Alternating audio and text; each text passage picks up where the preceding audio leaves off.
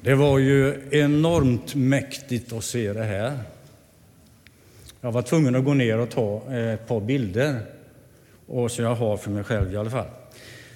Jag tänkte vi skulle bara några minuter samlas inför den här bönen som vi kallar för nyingbönen. Den är det många som kan här inne, det vet jag. Och eh, även utav er som är lite äldre tror jag har en känsla för den. När vi ber så blir det alltid en skön känsla, en skön atmosfär och det kan kännas lugnt, tryggt och varmt. Och eh, det är skönt att man kan få vara barn oavsett vilken ålder man har just nu. Jag tror att det är ett väldigt bra perspektiv att man får känna att man har barnet inom sig. Och Det finns en gammal bok som jag brukar ta fram och läsa ibland. Barn skriver till Gud. Det är alltså, det kan man säga, det är böner som man har skrivit. Och då säger en så här, han heter Bertil. Jag tror inte att det är Herngren, utan det är någon annan. Jag vet att man ska tycka om sin nästa. Men om Håkan fortsätter att ta min ena skridsko så kommer jag faktiskt att slå honom. Ja, det är ju ett litet meddelande till Gud så att Gud på något sätt är förberedd på vad som ska hända, kanske.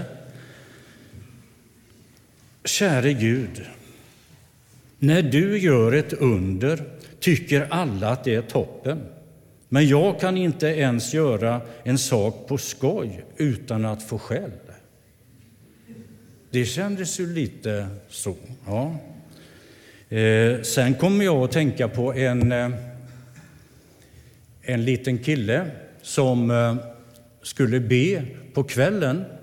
Och eh, då hade man bett aftonbönen, Gud som haver. Och den kan jag tala om för er, den ber jag fortfarande varje kväll. Det känns ganska skönt att få göra det. Men då skulle han på skolresa dagen efter.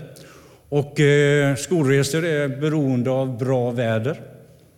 Så han la en liten tilläggsbön. Käre Gud, låt det vara sol imorgon. Och så la han sig, sov gott och så upp, drog ner upp persiennerna och det hällregnade. Då sa han bara så här att eh, då var det väl någon lantbrukare som han före. Och det kan ju vara lite roligt att tänka i de termerna också. Ehm, men tänk att få prata och tala med Gud. Det är faktiskt väldigt skönt att få göra det om allting. Det finns inga begränsningar. Och när vi tänder ljus i ljusbäraren, som vi kommer nog att göra lite senare, så kan det vara läge att tacka för den allra viktigaste och största gåvan som vi har fått, nämligen livet. Och nu ska jag göra ett litet åskådligt, en liten åskådlig bit här. Jag vet inte om ni kan se det här, men jag har ett eh, litet dammkorn här. Nej, det är inte många som ser det, va? Nej. Men där borta sitter någon som håller upp någonting. Det är en apelsin, men den ska föreställa solen. Eh, om vi säger att det här är jorden där du och jag och alla andra går omkring på det här sandkornet, då är det solen, så det är ju en liten bit bort när vi använder de här proportionerna. Nästa stjärna som ligger närmast oss, om man bibehåller det här då, den ligger i mellersta Tyskland. Då tycker jag att det hissnar lite grann ibland när man eh, tänker vilka avstånd som det handlar om och hur stort det är. Och även om det är så stort så bryr sig Gud om var och en av oss. Vi finns på det här lilla sandkornet. Men jag skulle ställa en fråga till var och en av oss så här som ni kan få fundera på några sekunder. Vad tycker du är det allra härligaste med skapelsen och livet? Tänk till bara. Vad är det allra härligaste med skapelsen och livet? Kanske bada i 25-gradigt vatten och kasta sig i vågorna. Det är väl skönt? Eller åka skidor i pudersnö. Eller sätta en pärla i krysset på en frisparksvariant. Alltså, jag måste berätta det. Jag har spelat fotboll i, i 25 år, på säga, ungefär. Och eh, vi, I mitt lag så hade vi tränat in en frisparksvariant som vi skulle ta fram om vi låg riktigt dåligt till i slutet av en match. Det var lite risk med den här frisparken, men vi skulle ändå göra det. Då innebar det att eh, en av killarna, han var från Degerfors, han, de är ganska bra. De slog ju Djurgården igår, kanske ni såg. Eh, så han skulle lyfta upp bollen, bara så. Och så skulle en av oss som stod på sidorna dunka in den där. Och vi hade ju misslyckats på träning hela tiden. Och så kom vi i en sån där situation. Det var kritiskt, vi måste ha en poäng. Då sa vi, vi kör den här frisparksvarianten då. Och det gjorde vi. Och eh, han lyfte upp bollen och min kompis tryckte in den i krysset. Och jag menar, han blev så glad så han gjorde den där flygplanet, ni vet. Och eh, det här var ju 1978, så jag, jag tror det var det första flygplanet som man gjorde. Det är ju lite provocerande också för motståndarlaget, eller hur? Det kan det ju vara. Men så här också att man kan ha många goda vänner. Det kan också vara bland det härligaste. Eh, man är trygg med sina kompisar. Man vet att de kommer inte att snacka skit bakom ryggen på mig, utan jag kan lita på att när vi pratar så är det oss emellan. Man kan lita på varann i alla väder. Det är skönt. Och det står ju scouterna för.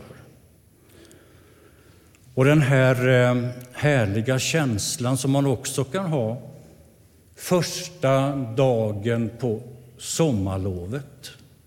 Hur många är det som kan känna den där hisnande känslan första dagen?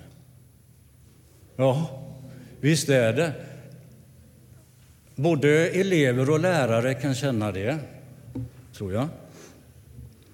Och eh, ni vet, ni som har läst eh, Emil i Lönneberga, så fick ju pigan, hon fick ju den här frågan, pigan i Katthult, vad det var som var häftigt med skapelsen.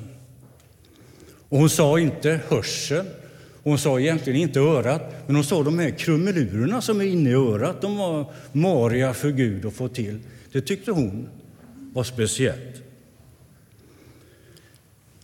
Och så kommer nästa del av bönen. Hjälp mig leva riktigt, göra det du vill.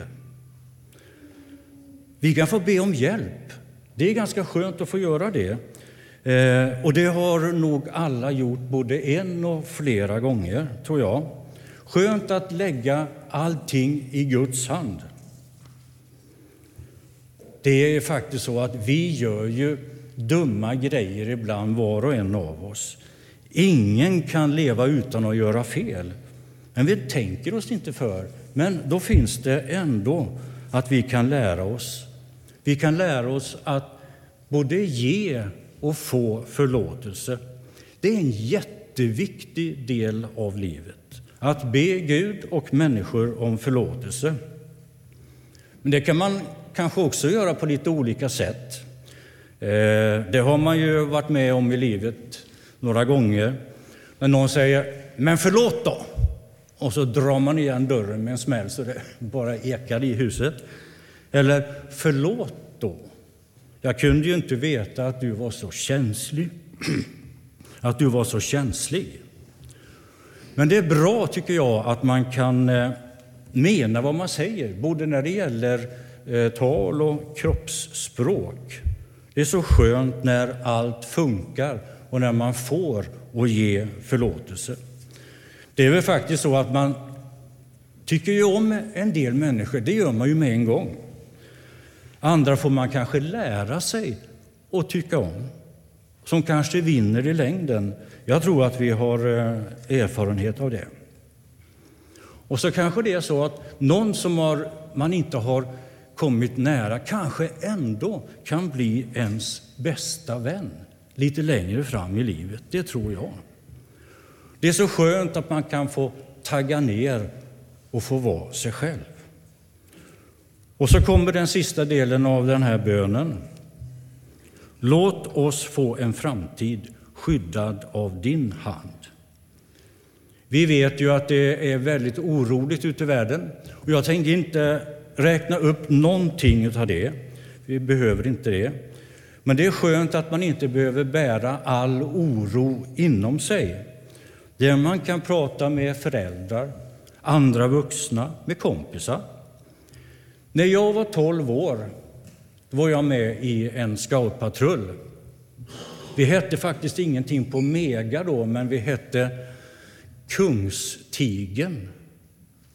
Det är ju ett eh, hyfsat namn det med. Jag vet inte ens om eh, det existerar någon kungstiger, men det tyckte nog vi. Vi hade en eh, patrulledare som hette Sven. Han såg att vi var lite oroliga för världen och vad som skulle hända. Och när vi satt vid lägerelden, han samlade ihop oss. Han pratade inte så mycket, Sven. Han lyssnade på oss. Vi fick plocka fram det som vi kände inne i hjärtat. Och han lyssnade och han gav oss tid. Och så berättade han om änglarna som på något sätt vakar över oss. Det tog jag med mig från den här patrullkvällen som vi hade. Att vi alltid kan lita på Gud. Att det alltid är meningsfullt att be. Och det är väl skönt att veta att när man gör det som är gott, då kan man också övervinna det som är ont i världen.